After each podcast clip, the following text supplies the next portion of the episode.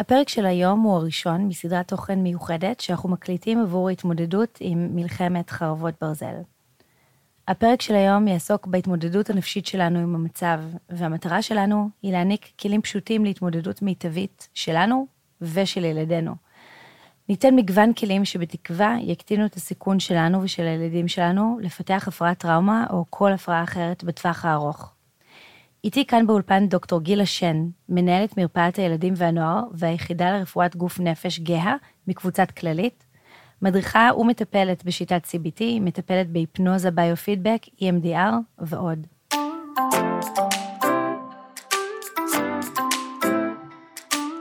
מאזינות ומאזינים יקרים, Welcome לחטיפי בריאות.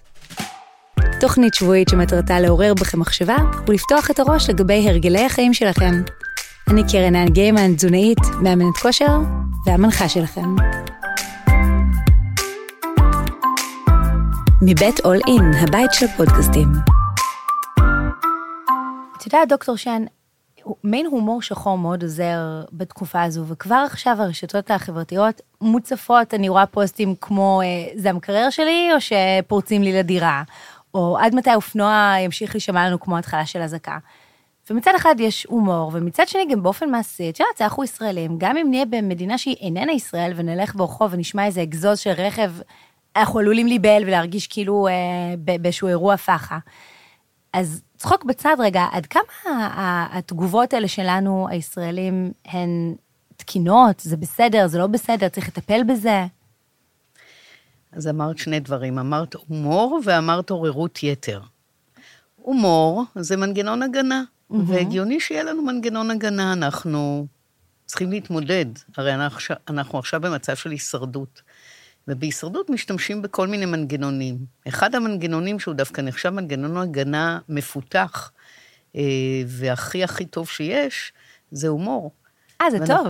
זה טוב. Mm. הומור וסובלימציה הם שני מנגנוני ההגנה הכי גבוהים שיש לבן אדם. מה סובלימ... זה סובלימציה? סובלימציה זה ליצור סימבול. למשל, mm-hmm. אנשים שיש להם, אה, מדברים על זה שיש להם תוקפנות, אז אם הם יהיו כירורגים, אה, זה יכול להיות טוב, או קצבים, סתם, זה מין כזאת דוגמה ב, בספרים של פרויד, אנה פרויד.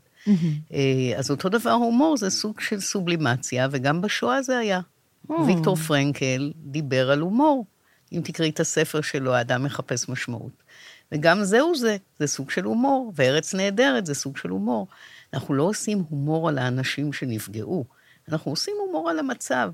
תביא לי מים, תשים שישה בקבוקים בחדר ביטחון, זה סוג ההומור שהוא לגיטימי, שהוא משחרר, והוא מאפשר קצת רוגע. גם לחזור לשגרה, גם להשתמש בהומור. אז הומור שחור, מבורך, לא יודעת אם שחור, לא הומור, הומור שחור. לא, לא הומור. לא שחור זה נקרא, זה נקרא הומור. הומור כן. על המצב, אבל לא הומור על האנשים שנפגעו. כמובן. אז זה דווקא מנגנון טוב לטפח, להתמודד. נכון. עכשיו דיברת יתר, על דבר כן. נוסף, שזה נקרא עוררות יתר. Mm-hmm. עוררות יתר זה אחד מהסימפטומים במצב טראומטי. אנחנו בטראומה מחלקים את התגובות של האנשים לפי תקופות. Mm-hmm. בשבוע הראשון זה נקרא acute stress reaction, שזה אומר תגובה שבעצם תגובה נורמלית למצב לא נורמלי. הבן אדם לא יכול להכיל את העוצמות של הטראומה, וכולנו, אנחנו מרגישים את זה, בעצם בשבוע הראשון כולנו חווינו סוג של acute stress reaction, זו תגובה טבעית למצב לא נורמלי. אני רוצה לרגע... אחד הדברים זה העוררות יתר שיש לנו באזעקות.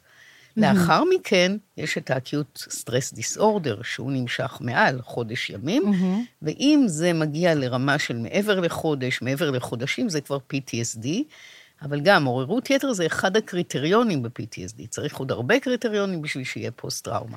כשאנחנו דיברנו uh, בטלפון בשיחה המקדימה שלנו, עשינו מין, עשינו, את עשית, uh, הבדלה בין פוסט-טראומה דיסאורדר, הפרעת פוסט-טראומה, לבין uh, אפשרות של הישארותם של מאפיינים של פוסט-טראומה, אבל בלי הפקטור של הדיסאורדר. אז אני אשמח רגע אם תעשי גם למאזינות ולמאזינים שלנו רגע את ההבדל בין שני המצבים. אוקיי. Okay. אז כמו שהתחלתי ואמרתי, PTSD, Post-Traumatic Stress Disorder, מוגדר על פי ה-DSM, שזה התנ"ך של הפסיכיאטרים, אם התסמינים הם מעבר לחודש. Mm-hmm. אבל זה לא מספיק תסמין אחד, כי אז זה נקרא PTS, Post-Traumatic Symptoms. אבל אם יש הרבה תסמינים מחמש קבוצות. אז אנחנו נוכל לקרוא לזה PTSD. ומה אלה הקבוצות? קבוצה אחת זה באמת העוררות יתר, קבוצה אחרת זה החשיבה אה, אה, החודרנית, מה שאנחנו קוראים פלשבקים, חלומות, סיוטים שנכנסים. קבוצה שלישית זה הדיכאון, שזה תסמינים של מצב רוח ירוד. קבוצה רביעית זה ההימנויות, שאנחנו נניח נימנע ממישהו אחרי תאונת דרכים, יימנע לנסוע ברכב, או אחרי האירועים האלה יימנעו מכל מיני דברים, למשל? לצאת מהבית, נכון. וקבוצה חמישית זה דיסוציאציה. דיסוציאציה זה מצב של ניתוק, שבן אדם בעצם, את רואה אותו ממש מתנתק. אני ראיתי עכשיו, כשהייתי ב... יכולה לספר כבר מקרים מהמפונים. אם אפשר. אז uh, ילד בן שבע, שתוך כדי שיחה, כשאני מדברת איתו על מה הוא חווה, לא נכנסת לעומק, את רואה אותו פתאום מתנתק. הוא מסתכל ככה. בוהה. ובוהה, ואני צריכה ככה להזכיר לו, אני כאן, אני רואה אותך, ואז הוא חוזר לדבר. זה וואו. נקרא דיסוציאציה, ניתוק.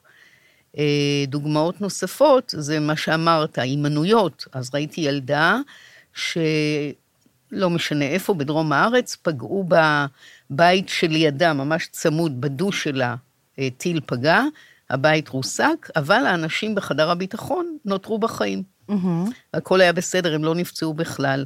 היא פונתה לבית מלון, ולאחר מכן, כשהם חזרו מים המלח, היא כל השבוע בתוך חדר הביטחון. עכשיו, ההורים כאילו שואלים, למה היא בתוך חדר הביטחון? הרי לא די, קרה זה כלום. לא קרה כלום, ומאז אין לנו אזעקות באזור. הסברתי להם שזה סוג של הדבקה קוגניטיבית. בראש שלה, ילדה בת שבע, מאוד אינטליגנטית, כן? היא בראש שלה מבינה שחדר הביטחון מציל. הנה, השכנים שלי ניצלו, אז אני אשאר בחדר הביטחון. היא סידרה לה את הכריות ואת הדובים, חיה בתוך חדר ביטחון. וואו. ואבא לא מבין, אבל רגע, אתמול הסבתא הייתה, היא יצאה לרגע לעשות איתה עוגיות, ואחרי זה היא חזרה לחדר הביטחון. אז אולי זה מניפול, מניפולציה. אמרתי, לא, זה לא מניפולציה. Hmm. היא פשוט לרגע הצליחה להסיח את עצמה, לעשות דברים, אבל היא חזרה לחדר הביטחון, כי זה המנגנון ההימנותי שנותן לה ביטחון. וואו, בגיל כל כך צעיר, כבר מפתחת מנגנון כל כך מתקדם בשביל להקנות לעצמה תחושת ביטחון. זה, mm-hmm. לא משנה כמה סיפורים כאלו אני אשמע, זה עדיין לא נתפס בעיניי. וכמובן שאנשים שנמצאים, היו נמצאים באזורי העימות המאוד קשים, אז לגביהם הכל ברור ו- ומובן, לצורך העניין. ואם רגע נתמקד באוכלוסייה שנמצאת רחוק מה, mm-hmm. מהאזור הזה, מרכז הארץ, אולי צפון הארץ, האם יש מעשים שאנחנו, תושבי המרכז לצורך העניין, יכולים לעשות לעצמנו וממש לעורר לעצמנו את החרדה יותר. לצורך העניין, יש לי חברה שאמרה לי שהיא ממש דבוקה לחדשות, היא לא מסוגלת לעשות שום דבר אחר חוץ מזה, ושהיא ממש בתוך זה, היא מרגישה כאילו לה קרו הדברים. Mm-hmm. ובהזדמנות אחרת, שאת, שמעתי פסיכולוגית אה, ברדיו אומרת שאנשים בהתנהגויות מסוימות יכולים ממש לחוות את הטראומה כאילו זה קרה להם. אמ, והמטרה שלנו בעורף להישאר חזקים, ולא לעורר לעצמנו טראומות ביתר שאת. ואז השאלה היא, האם זה באמת נכון? האם אנחנו יכולים לעורר לעצמנו נזק משמעותי יותר? אז קודם כל, האם טראומה יכולה, PTSD יכול לקרות כתוצאה מצפייה בחדשות? אז כן, במיוחד אם יש לך קרובים שהיו באירוע. Mm-hmm. זאת אומרת, אם אין לך קרובים, הסיכוי הוא קטן. זאת אומרת, זה יעלה מאוד את הסטרס, אבל ממש PTSD היום אפילו בקריטריונים אנחנו יודעים שיש מצבים, נניח ילד שבארצות הברית זה קרה, היה איזה אסון באוקלהומה, mm-hmm. הוא באותו יום היה חולה, לא הלך לבית ספר וירו בחברים שלו. גם אם הוא לא היה באירוע, הוא פיתח PTSD, כי זה החברים הכי טובים שלו. זאת אומרת, גם האנשים שהיו נניח אולי בקיבוצים השכנים, אני טיפלתי במפוני סעד בים uh-huh. המלח, אותם ילדים באו ואמרו לי, אבל אני אחזור לבית ספר וחצי כיתה לא תהיה. כי יש שם ילדים מבארי, ו- ומה אנחנו עושים? כלומר, הם שמעו שילדים נרצחו, שילדים נחטפו, אז אם הם רואים את הסיפורים האלה בטלוויזיה, יש יותר סיכוי שהם יקבלו PTSD, שהם יפתחו PTSD. ואם לא היו רואים, אז אולי לא. נכון. בניגוד ולכן, למי שנמצא שם, שכנראה באופן די ודי, כן. נכון, ולכן המסר הוא, אחד המסרים, כן? זה באמת לצמצם צפייה בטלוויזיה. אנחנו יודעים שיש מנגנון, יש לנו ערוצים שעוזרים לנו אה, בביטחון, ו, ו, ונותנים לנו כוח בשלב הזה. יש אה, אה, ראשי תיבות שנקראים גשר מאחד, mm-hmm. זה של פרופסור מולי להד. מה זה גשר מאחד? זה אחד הדברים שאנחנו משתמשים כדי לחזור לשגרה ולהימנע מ-PTSD. אז גשר, ג' זה גוף, אנחנו צריכים להשתמש, בג... אנחנו, מי שאוהב את זה, כן? משתמש בגוף. אני למשל במצבי סטרס, מעדיפה לעשות ספורט, לשחות, לעבוד בגינה, לא מתאים לכל אחד. יש כאלה שמשתמשים בשין. מה זה שין? זה השכל. זה מה שנקרא קריאת עיתונים, אה, צפייה ברשתות החברתיות, אבל שוב, במידה. נכון שזה קצת מוריד את הלחץ, אבל במידה. אם זה כבר הופך להיות over וזה ממלא אותך בכל היום, אז זה נכנס לך לחלומות, וזה מעורר את התסמינים הפוסט-טראומטיים. Mm-hmm. את רוצה שאני אמשיך בגשר המאחד? אני, אז רייש... אני חושבת שכן, למה לא? אז רייש זה רגש. Uh-huh. בעצם מדבר על הרגשות שלנו, מה שאנחנו עושים עם המשפחה, עם החברים, עם המטפלים.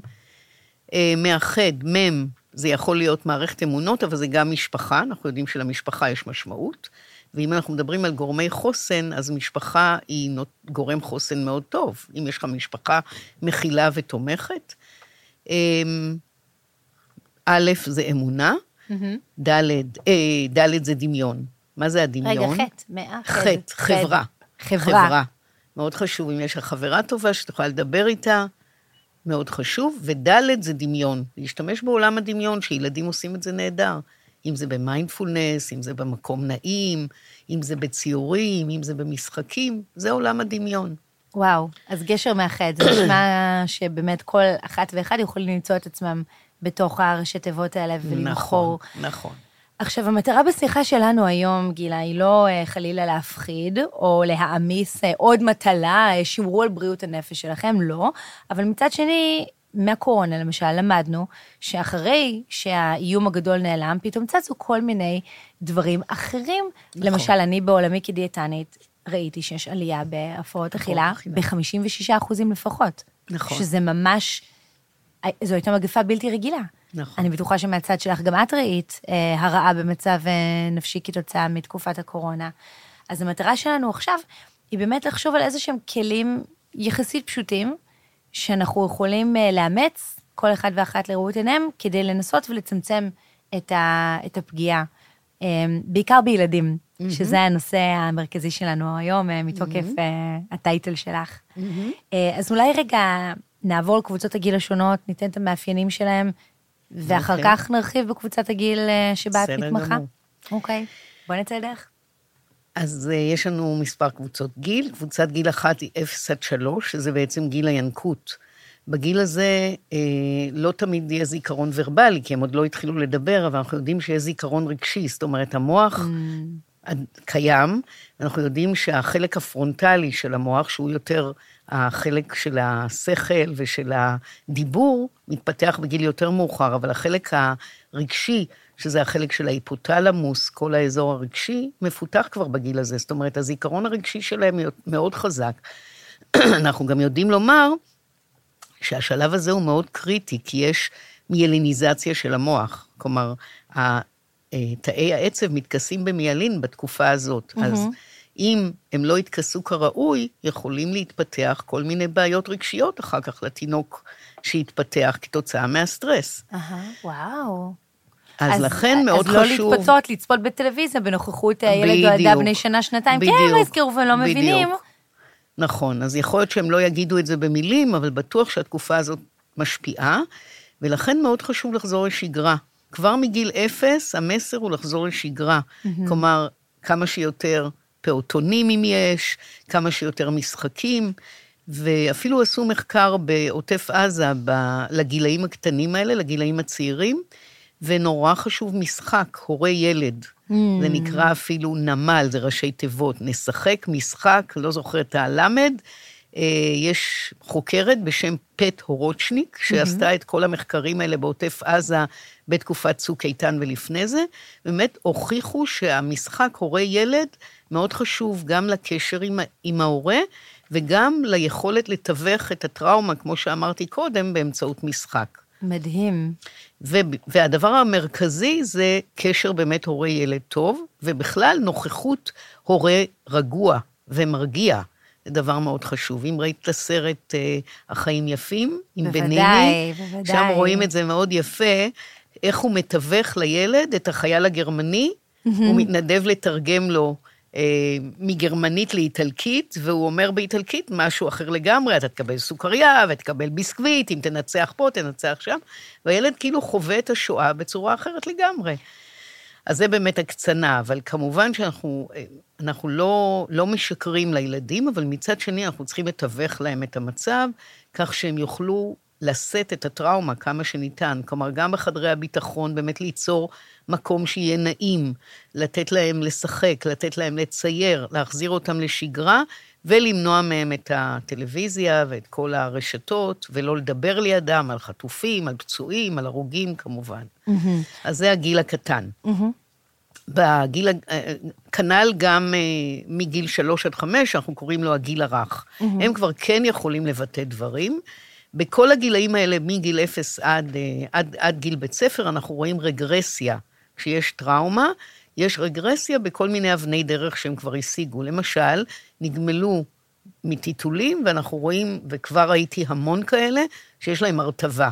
אפילו חברות שלי מספרות לי שהילדה בת ארבע מרטיבה עכשיו במיטה. נכון. אגב, אני עדיין מניקה את הבת שלי, שהיא כבר מעל גיל שנה, ואני רואה רגרסיה בהנקה, אני רואה שהיא הרבה הרבה הרבה יותר מבקשת ממני. ואני רואה, באמת, חברות שמספרות על, על דברים, פתאום ילד בן חמש רוצה על הידיים. נכון. אז זאת הרגרסיה, זה יכול להיות הנקה, זה יכול להיות הרטבה, זה יכול להיות אה, אה, פתאום זחילה, ילד שכבר הולך פתאום יזחל, כל מיני דברים כאלה, גמגום. היום ראיתי ילד, בדיוק היום בבוקר, לפני שהגעתי לפה, ילד שחזר לגמגם, ילד אה. בן אה, תשע, חזר לגמגם. אימא שלו במילואים, וזו הדרך שלו לבטא את החרדה. בטח. באמת, מספיק רק שהורה אחד פתאום לא בבית. וילדים מאוד קטנים שעוד לא מבינים מילואים, לא מילואים, יכולים באמת להיכנס מזה לחרדה מאוד עמוקה וגדולה. אני יכולה לספר uh, סיפור אישי על הבת שלי, שהיום היא רופאה. מלחמת המפרץ הראשונה. אני הייתי רופאה בדיוק בשלב של תחילת ההתמחות, ועשינו 12 שעות תורנות, ובבוקר שאני צריכה, לה... זה היה בשיא הטילים, גרנו אז בקיבוץ ניר אליהו, והילדים היו במקלט בערב, בלילה. קמתי ל... ליום העבודה שלי. אז הייתי בנוירולוגיה, והתחילה לסחול. מעמידה, מהליכה, פתאום זחלה. חשבתי וואו. שיש לה דלקת בפרק הירך. כמובן, כי זה מה שעולם. הרפואה... וישר האורתופד אמר, אמא, במה את עוסקת? ואמרתי לו, והוא אמר, זה כנראה איזושהי רגרסיה כרגע בגלל המצב, ובאמת אחר הצהריים היא קמה והייתה בסדר. אבל העומק של הסטרס היה כל כך גדול, שאמא יוצאת לעבודה, אה, אז זו הייתה התגובה. אז אם בגילאי 0 עד 3 אמרנו אה, המון משחק, ולא לדבר לידם, ולא לפתוח חדשות לידם, אז מה עושים בגילים שהם קצת יותר גדולים וקצת יותר מבינים, ופתאום אוקיי. אני רואה איזה רגרסיה כזאת, זה פתאום נורא מבהיל.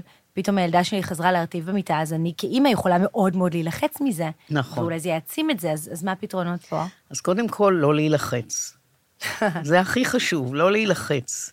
להגיד, ולתקף. מה זה אומר לתקף? לא להאשים. אוי ואבוי, מה קרה? למה? ככה.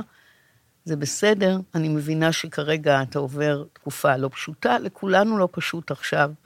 ולקבל את זה, ויחד עם זאת, להסביר לו, לתווך בצורה שהוא מבין. אני, אני מבינה שקשה לך, ואנחנו נמצאים כרגע במקום בטוח.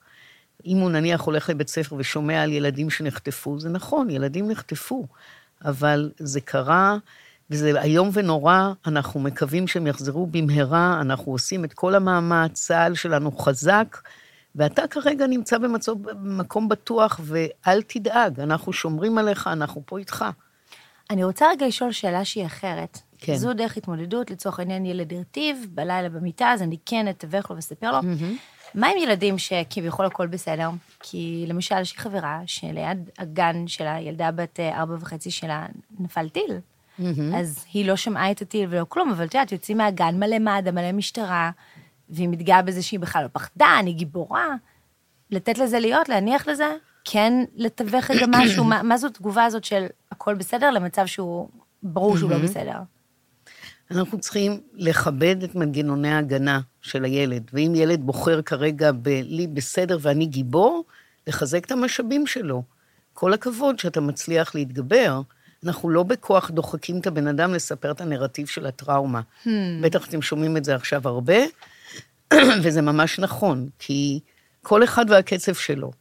אם מישהו רוצה לספר ולומר, וממש לחזור על הדברים, אנחנו מאפשרים לו.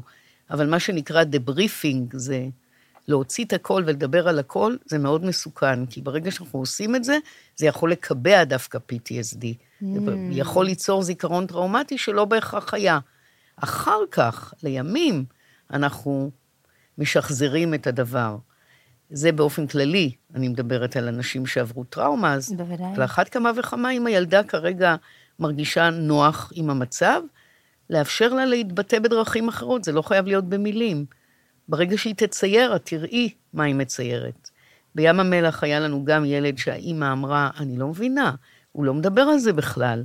ובגלל זה היא הביאה אותו אלינו, uh-huh. והוא פשוט דיבר על זה בציור. הוא צייר טילים, הוא בחר קלפים עם תוקפנות, ואחר כך עשיתי לו EMDR, שזו שיטה עם חיבוק פרפר, uh-huh.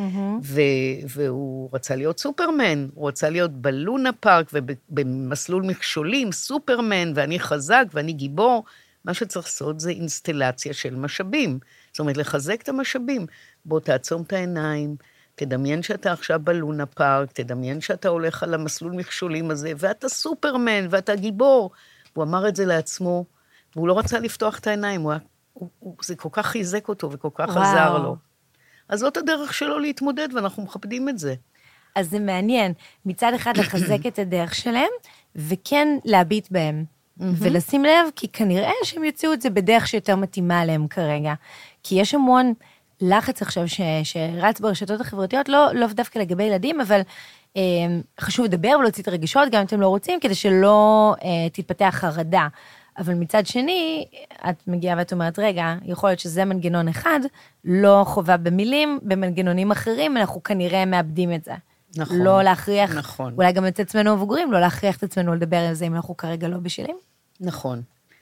אנחנו יודעים ש-80% מהאנשים, לא פחות, יחלימו מהמצב הזה. והמחקרים לאורך השנים יודעים שיש לנו חוסן טבעי, ויש לנו משאבים באופן טבעי. זה מעודד. מאוד כלומר, מעודד. כלומר, יחלימו באופן ספונטני בלי טיפול יחלימו פסיכולוגי. יחלימו באופן בלי... ספונטני בלי טיפול פסיכולוגי. מדהים. אנחנו נותנים את הטיפול הפסיכולוגי במצב הזה כדי שלא יסבלו בינתיים, וכן למנוע את ההתפתחות של PTSD לאלה שלא לא יחלימו. Mm-hmm. אבל חשוב לדעת את זה. אה, גם אה, לאורך מחקרים בעוטף עזה, שבדקו, אז באמת הרוב מחלימים בחודש הראשון, מה שקראנו ה-acute stress reaction disorder, ואחר כך גם אלה שיש להם תסמינים של PTSD, שליש מחלימים אחרי חצי שנה, ועוד איזה שליש אחרי חצי שנה נוספת. זאת אומרת, בערך 20 אחוז או אפילו פחות נשארים עם PTSD כרוני. לכן, אפשר להתערב, אבל ההתערבות צריכה להיות מאוד ממוקדת, מה שאני דיברנו עכשיו, mm-hmm. על גשר מאחד, על אה, הרפיות, על מקום נעים, על לחזור לשגרה. יש ככה כמה עקרונות שחשוב לעשות, אבל ממש בנייה של נרטיב הטראומה ולחזור עליו ולאבד אותו, רק באמת אותם אנשים ש... שנראה שיש להם כבר, גם אנשי מקצוע וגם נראה שיש להם כבר פוסט-טראומה. כן. עוד טעות שעושים היום זה לעשות אה, מפגשים קבוצתיים. מפגשים קבוצתיים הם מבורכים, אבל נרטיב הטראומה, לאבד, נניח לקחת את כל אלה שהיו במסיבה, בנובה הזו, mm-hmm. במסיבת נובה, ול, ושכל אחד יספר את הטראומה שלו, זה יכול ליצור רגשות אשם אצל האחר. Survivor אם אחד היה, בדיוק, אם אחד היה מין סופרמן כזה שהציל אנשים, שלקח אנשים ברכב שלו והוא מספר את זה, והשני אומר, אה, מה אני עשיתי בעצם? הייתי חבוי בתוך איזה, אה, מתחת לכיסא שלא יראו אותי, לא עשיתי כלום, או קפאתי במקום. אז זה ייצור אצלו תחושה שהוא חסר ערך, וזה mm-hmm. מחמיר את ה-PTSD שלו. בקבוצה יש המון כוח לעשות דברים, כמו שאמרתי, העקרונות, ללמד אותם קיבוץ והרפייה, זה נקרא ג'ייקובסון, ללמד אותם קרקוע, שזה, אתם כרגע עומדים, יש כל מיני עקרונות. קרקוע דווקא זה נושא שהוא מאוד אה, בעולם הוולנס באופן כללי, להוריד אה, נעליים וגרביים, נכון, לעמוד יחפים נכון. על הקרקע, להרגיש אותה. אולי גם נכון. לנשום, כמו שאת אומרת. נכון, אז יש מודל שנקרא א' אימא, שהוא כולל את הקרקוע, אדמה, אהה. את האוויר, נשימה, אה, דברים כאלה, עקרונות מאוד חשובים. כמו שאמרנו, החזרה לשגרה, מניעת מסכים, אה, אלה הדברים שאנחנו בעצם מדברים, ובאמת ללמד אותם כל מיני כלים פסיכו-פיזיולוגיים שייתנו להם כוח, ולתת להם אמונה בעצמם, אמונה ותקווה. מה שאני אומרת עכשיו, ש-80 אחוז יחלימו, זה האמונה והתקווה. זה דבר מאוד מאוד חשוב, אמונה, תקווה, שייכות. אה, שזאת נקודה מאוד מעניינת שייכות. אני מדברת לא מעט עם אה, חברות שלי מחו"ל, חלקן ישראליות שפשוט גרות בחו"ל, אה, רובן יהודיות שהן פשוט, את יודעת, אנגליות, בכלל לא ישראליות, והן אומרות שהמצב שלהן, אחת מהן אמרה לי, קשה מנשוא. יהודייה, בריטית, בכלל לא גרה מעולם בישראל, היא אומרת לי, קשה מנשוא. לכם קשה, אבל אתם ביחד. נכון. אנחנו פה כל כך לבד. ופתאום יש את מבינה... אנטישמיות עכשיו. ודאי, זו כנראה הסיבה שהיא אמרה את זה, גם בגלל ה- מה רואה בחדשות, אבל גם בגלל הגל האנטישמיות, אני מניחה. כן. אז באמת האחדות והביחד, זה דבר שהוא מאוד מחזק. מאוד חשוב. נכון. אגב, גם אמרת התקרקעות ו- ונשימה ולהרגיש רגע את האדמה, זה גם אה, הפוך ממה שקורה, למשל מצבים כאלה, שבוע ראשון, אני לא יצאתי מהבית. בכלל. עד שבגן של התינוקת שלי עשו מפגש הורים ילדים, ואמרתי, טוב, אני אצא בשבילה. פתאום לצאת החוצה, גרם לי להרגיש כל כך טוב, אז אני לא אומרת עכשיו ללכת לעשות טיולים בטבע, אבל אולי, את יודעת, לרדת למטה בבניין, לצאת החוצה קצת לגינה ליד הבית, דברים כאלה, הם, הם קריטיים, לפי מה שאת חשוב, אומרת. מאוד חשוב. וגם טיולים בטבע, לא במקומות מסוכנים, אבל אם זה נותן לך אנרגיות, למה לא? הנה, את רואה, אני עדיין ב- בחרדה לא להתרחק מדי מהבית, אבל כן, כן? אם אפשר, כמו שאנחנו הולכים באזור לעבודה, אחר. נסענו עכשיו לתל אביב, נכון? אני, באמת, לקרוא לזה נסיעה, זה, זה, אני עדיין מאוד uh, מתקשה עם לנסוע ולצאת, באמת. המחשבה של אה, לעזוב את כותלי הבית, כי בחוץ יקרה דבר נורא, עדיין מאוד אוחז בי, שאגב, זה מעולם לא היה ככה. אבל uh, כמו שאמרת קודם, כל אדם נכון. מגיב שונה מאדם אחר, ואולי גם שונה מאיך שהגבנו בתקופות אחרות. נכון. אבל אה, גם בתחום הבית אפשר לעשות ספורט. חד משמעית, לא, אני עכשיו בגישה של לצאת, הכל בסדר. אפשר לשמוע מוזיקה, אפשר לשחק עם הילדים, יש הרבה דברים שאפשר לעשות בתחום הבית. כן, כדי נכון, לחזור לשגרה. בהחלט. בואי נתקדם. דיברנו על גילאים נוספים. בדיוק, נתקדם לגילאים גדולים יותר. כן, אז יש גיל יסודי ויש גיל התבגרות. אז בגיל היסודי, קודם כל PTSD, ב... אנחנו, אנחנו כרגע עוד לא בשלב הפוסט-טראומה, אבל כדי ל... ל... להגיד, אז אחרי חודש, אם באמת נותרים תס... תסמינים, אז PTSD אצל ילדים ו... שונה קצת ממבוגרים. Mm-hmm. אם אנחנו מדברים על דיכאון אצל מבוגרים, אז אצל ילד זה לא חייב להיות דיכאון. ילד עצבני יכול להיות בעצם דיכאוני, אבל הוא מבטא את זה באי שקט, בעצבים, mm. בבעיות בריכוז, ב acting out, מה זה acting out? זה לעשות דברים דווקא, לעצבן את המשפחה דווקא, לברוח מבית ספר, כל הדברים האלה, אם הם לא היו קודם, אז זה סימן שזה משהו שקורה כרגע בעקבות האירוע, ולא... זה לא ADHD שנולד פתאום, הפרעת קשב וריכוז, mm-hmm. או בעיית התנהגות שנולדה פתאום. היא כתוצאה מהאירוע. יכול להיות כן, גם זה- שהיא הייתה קודם, סליחה, והחריפה, זה נכון, וזאת גם. נקודה שחשוב לזכור, כי אם הוא היה ככה לפני, ועכשיו הוא ככה רק יותר, אז אני יכולה רגע לא לקשר בין הדברים, ולחשוב שהנה, הוא שוב עושה דווקא, אבל אולי המצב הקודם החריף בגלל נכון. הפוסט-טראומה, אז לשים לב גם לזה. נכון, כמו שאמרת, פוסט-קורונה, רוב המטופלים שלנו החריפו, אותו דבר עכשיו. אנחנו עכשיו רואים איזה שקט לפני הסערה. אני, ברור לי שבעוד חודש תהיה הצפה של פניות, גם כאלה שהחריפו וגם חדשים. אז ה- הפניות שיהיו אלינו זה לאו דווקא PTSD. חלק יהיו גם PTSD, אבל חלק יהיו הפרעות קשב וריכוז שיחמירו, הפרעות אכילה שיחמירו, אה, מצב רוח, תנודות במצב רוח, התקפי זעם, אה, הפרעות חרדה. זה לא חייב להיות PTSD, אבל זה יכול להיות חרדת פרידה, זה יהיה קלאסי. אני יודעת את זה מפוסט אה, מבצעים קודמים. ילדים שיפחדו שמחבלים ייכנסו אליהם הביתה, ילדים שיפחדו יותר מחושך, כלומר כל הפוביות למיניהם, יותר גם מרוחות רפאים, זה לא חייב להיות משהו קונקרטי, ילד יכול לשנות את זה, במקום לחשוב על מחבל או על גנב, הוא יחשוב יותר על רוחות רפאים.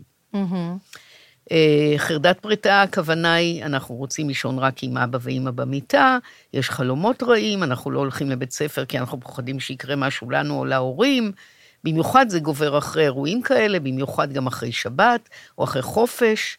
אז נראה הרבה school, אנחנו קוראים לזה school refusal, מה שפעם קראו school phobia, hmm. בעצם סרבנות ללכת לבית ספר. יהיה קשה להחזיר את הילדים לשגרה. וזה וככל... לא יהיה פינוק, שהם יתרגלו להיות טבעיים, אז עכשיו הם מתפנקים. צריך לזכור נכון. שזה כנראה משהו שהוא מעבר. נכון, אבל יחד עם זאת, ככל שיעבור זמן והם לא יהיו בשגרה, יהיה יותר קשה להחזיר אותם. ולכן אחד המסרים שלי למערכת החינוך, זה למרות האזעקות, לנסות כמה שיותר להחזיר את הילדים לשגרה, כי אחר כך יהיה הרבה יותר קשה. ש... וראינו את זה בחזרה מהקורונה לשגרה. שאגב, זה מעניין, כי מצד אחד אני שומעת המון ביקורת מצד הורים, אה, כנגד הנחיות אה, פיקוד העורף, לצורך העניין של איך זה יכול להיות ששינו את ההנחיות ופתאום מחזירים את כולם. זה לא בטוח, אנחנו לא סומכים, איך זה יכול להיות? מצד שני, את מגיעה כאשת מקצוע ואת אומרת, זה מה שהם צריכים לעשות, נכון. על מנת לצמצם את הפגיעה אחר כך. אז כנראה שמה שנקרא אמת במרכאות נמצאת דווקא איפשהו באמצע, ואם נכון. יש מסגרות, אולי זה דווקא דבר שהוא חשוב, הכרחי. מאוד מאוד חשוב. ובכל זאת עכשיו, בתקופה הזו, שאנחנו עדיין בתוך המחולל טראומה, עם ילדים קצת יותר גדולים, אוקיי. Okay. מה, מה עושים? מה אנחנו, ההורים, יכולים לעשות כדי איכשהו לצלוח את זה יותר טוב, נקרא לזה?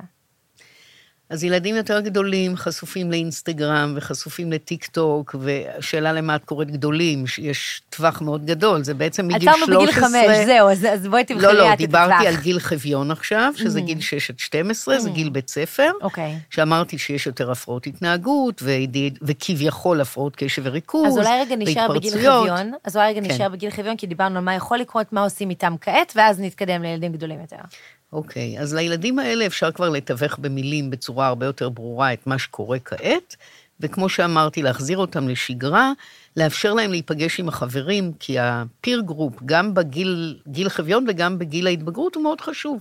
ואמרנו שגשר מאחד, אחד הדברים זה חברה. ואני שומעת הורים מודאגים שלא מחברים אותם עם החברים, כי הם פוחדים שהילדים ילכו. אז בסדר, אז אל תיתנו להם ללכת לבד, אבל תסיעו אותם לחבר. לחבר יש חדר ביטחון, למה שהם לא ייפגשו? Mm-hmm. מאוד חשוב. ולעשות פעילות, לא רק להיות כל היום במסכים, אלא פעילות גופנית אפשר לעשות ביחד. אתמול שבת ראיתי ילדים רוכבים על אופניים עם אבא שלהם, היה נראה נהדר, למה לא בעצם? Mm-hmm. לא, אין אזעקה כל רגע, ותעשו את הפעילות, כבר יש הרגשה מיטיבה. אז באמת, אם יש הורים שמתקשים בעצמם להביא את עצמם לעשות פעילות של רכיבה על אופניים, כי זה נראה להם הזוי שאני ארכוב על אופניים בזמן שקורה mm-hmm. מה שקורה, אבל אולי אפשר אה, להחליט שאנחנו עושים את זה למען הילד. לא בשבילי, בשבילו. ועל דרך נכון. גם לקבל עבור עצמי רגע של נשימה, ובשביל הילד זה ודאי יהיה משהו אה, הכרחי וטוב. נכון, נכון. ואני רואה שיש בניינים שהתארגנו עם ג'ימבורי ועושים uh, הצגות, אלה דברים שמאוד חשוב לעשות אותם. כן. כמובן לא להציף, כי מצד שני ראיתי בבתי מלון אצל המפונים שזו הייתה הצפה. Mm-hmm. הגיעו אנשים עוד עם המזוודות שלהם, ואיך שהם הגיעו, ההופעה הזאת, וההופעה הזאת, והג'ימבורי הזה, והבריכה, הם הרגישו overwhelming כזה, רצו רק ללכת לישון, לאכול ולישון, שים את הראש על מיטה, אז צריך מינונים גם בדברים האלה. זה מדהים, במלונות באמת רואים את הדברים האלה. אח שלי הוא מוזיקאי, והוא נוסע mm-hmm. עם מיטב אומני ישראל, באמת, ממלון למלון, במטרה לשמח ו- ולהרים את רוחם של המפונים. ובשבועות הראשונים, הוא סיפר לי, רק הילדים באים. ההורים לא מסוגלים נפשית לשאת כרגע משהו של, של שמחה. הם יושבים מחוץ לחדר, באמת, לא מצליחים, אבל הילדים באים ושמחים ורוקדים ופורקים ומעריצים את אה, מי שהגיע, וזה מדהים לראות את העיבוד הפסיכולוגי עבור אותו אירוע בשתי דרכים שונות לחלוטין, mm-hmm. גילאים צעירים, גילאים מבוגרים. נכון, נכון. אז באמת, אנחנו האנשים שנמצאים, מה שנקרא, בעורף, אנחנו יכולים לנסות להתעלות על עצמנו למען הילדים, וכן לשיר איתם ולשמוח איתם ולרכוב איתם על אופניים, כל הדברים שנראים לנו הזוי, למען נכון. בריאות ילדינו לעשות, ולא נכון. לא בהגזמה. ולצד זה גם לא להסתיר, אה, לא להכחיש. כלומר, אם ילד בא ושואל, אני לא אגיד, היה, מה פתאום לא היה דבר כזה. כמובן שאני אתווך לו את זה בצורה שתשרה ביטחון. זו באמת שאלה, אני ראיתי איזושהי תוכנית טלוויזיה שהיו שני מנחים, מנחה אחד אמר שהוא מתווך לילדים, ומנחה אחד אמר, אני ממש לא, אני מסתיר, מסתיר, מסתיר, שלא ידעו כלום, כמה שפחות, כלום, כלום, כלום. זה היה בהתחלה יחסית. Mm-hmm. ואז, ואז הילד משל... מגיע לבית הספר ושומע את זה מהחברים, mm-hmm. ורואה את הטיקטוק אצל החבר. אני עשיתי שיחת זום עם אימהות מהדרום, ממש בשבוע הראשון, וזה בדיוק היה הדיון שם בין שתי אימהות. והיא אמרה, אמא, אני הסתרתי הכל, אני סגרתי לו את הטיקטוק, סגרתי לו את האינסטגרם, אבל למחרת הוא ראה את זה אצל החבר. Hmm. אז... אז אין לזה משמעות, צריך uh, לתת לה, באופן טבעי, לתת להם לגלות דברים ולתווך להם, לא, אם אני צריך, מבינה ממך. אפשר להגיד להם, להסביר להם, שזה לא בריא עבורם. כן. מה שאני אומרת, בעצם לומר גם להם. אה, אז נראה לי ש, שבאופן טבעי זה רגע מוביל אותנו לגילאים גדולים יותר, כי אמרת נכון, קודם שמעבר נכון. לגיל 13, אנחנו כבר באינסטגרם, אנחנו כבר בטיקטוק, אנחנו נכון, בעולם האמיתי נכון, כביכול, נכון. אבל אנחנו נפש של ילד. נכון. אז קודם כל, בגיל ההתבגרות, איך נראה PTSD, פוסט-טראומה, בהמשך כאילו, שוב, לא בחודש הראשון. ברור. הוא נראה כמו מבוגר. כשדיברתי על חמשת הקבוצות, אז זה די דומה. כלומר, יש להם את הפלשבקים, יש להם את ההימנויות, יש להם את הדיכאון, כשבנוסף, יש התנהגות מרדנית של גיל ההתבגרות. הוא- אז הם יכולים ללכת לאלכוהול ולסמים, ובכלל, כל מיני התנהגויות מסכנות, כי אנחנו יודעים שהמתבגרים אוהבים התנהגויות מסכנות. כאילו הדופמין שלהם עובד יותר, ו... והם אוהבים להסתכן. מה זה אומר דופמין עובד יותר לטובת אלו שלא מכירים את המונח דופמין? יש אה, אה, נוירוטרנסמיטורים במוח, ואנחנו יודעים שדופמין זה ההורמון שמייצר את ההתנהגות יותר של הנטייה להסתכן, האהבה הזאת להסתכנות. שוב, ההיפותלמוס שדיברנו עליו קודם, המערכת הזאת של הרגשות מפותחת, כשהמערכת הפרונטלית עוד פחות מדי מפותחת, ואז הם אוהבים את כל, ה- את כל הסיכונים האלה. אז אם זה יושב על איזושהי טראומה, אז הם יכולים ביתר ללכת ביתר למקומות יש האלה. התנהגות שמסכנת, או ילדים, כמו שאמרת, שהם מראש כבר היו עם איזו הפרעת התנהגות, או נטייה להתמכרויות, זה יגבר. מהמם.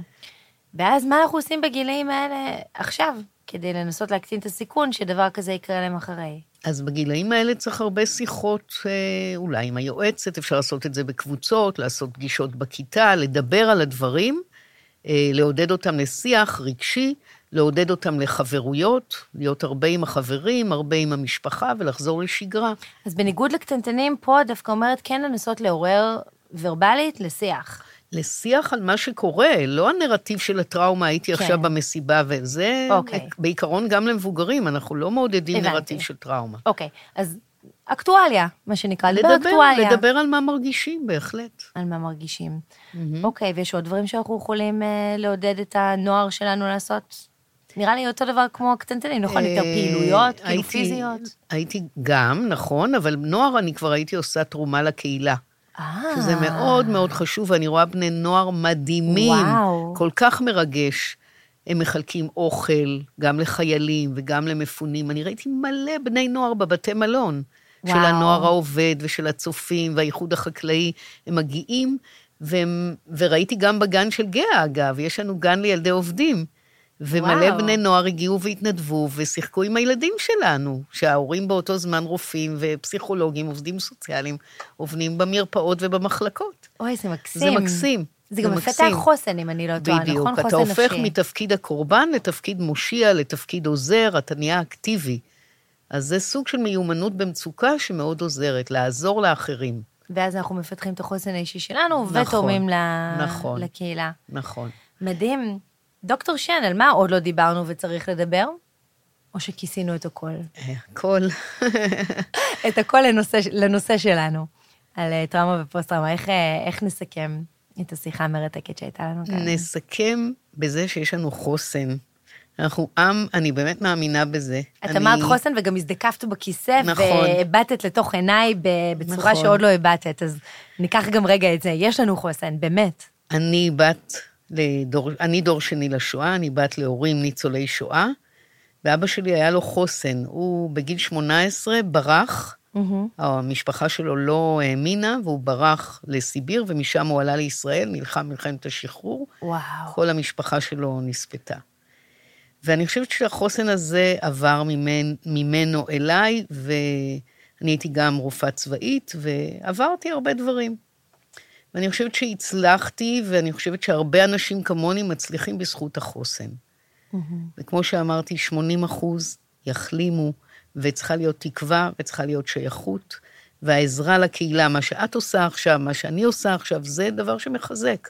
הדוינג הוא דבר שמאוד מחזק, ואם כולם יעשו את זה עכשיו, ועושים את זה ביג טיים, כולם פה תורמים אחד לשני, mm-hmm. שזה מאוד מרגש, אני מאמינה שאנחנו נתגבר. מדהים. אז באופטימיות זו נאמר תודה לכולם על ההאזנה, ולבשורות טובות במהרה. תודה רבה.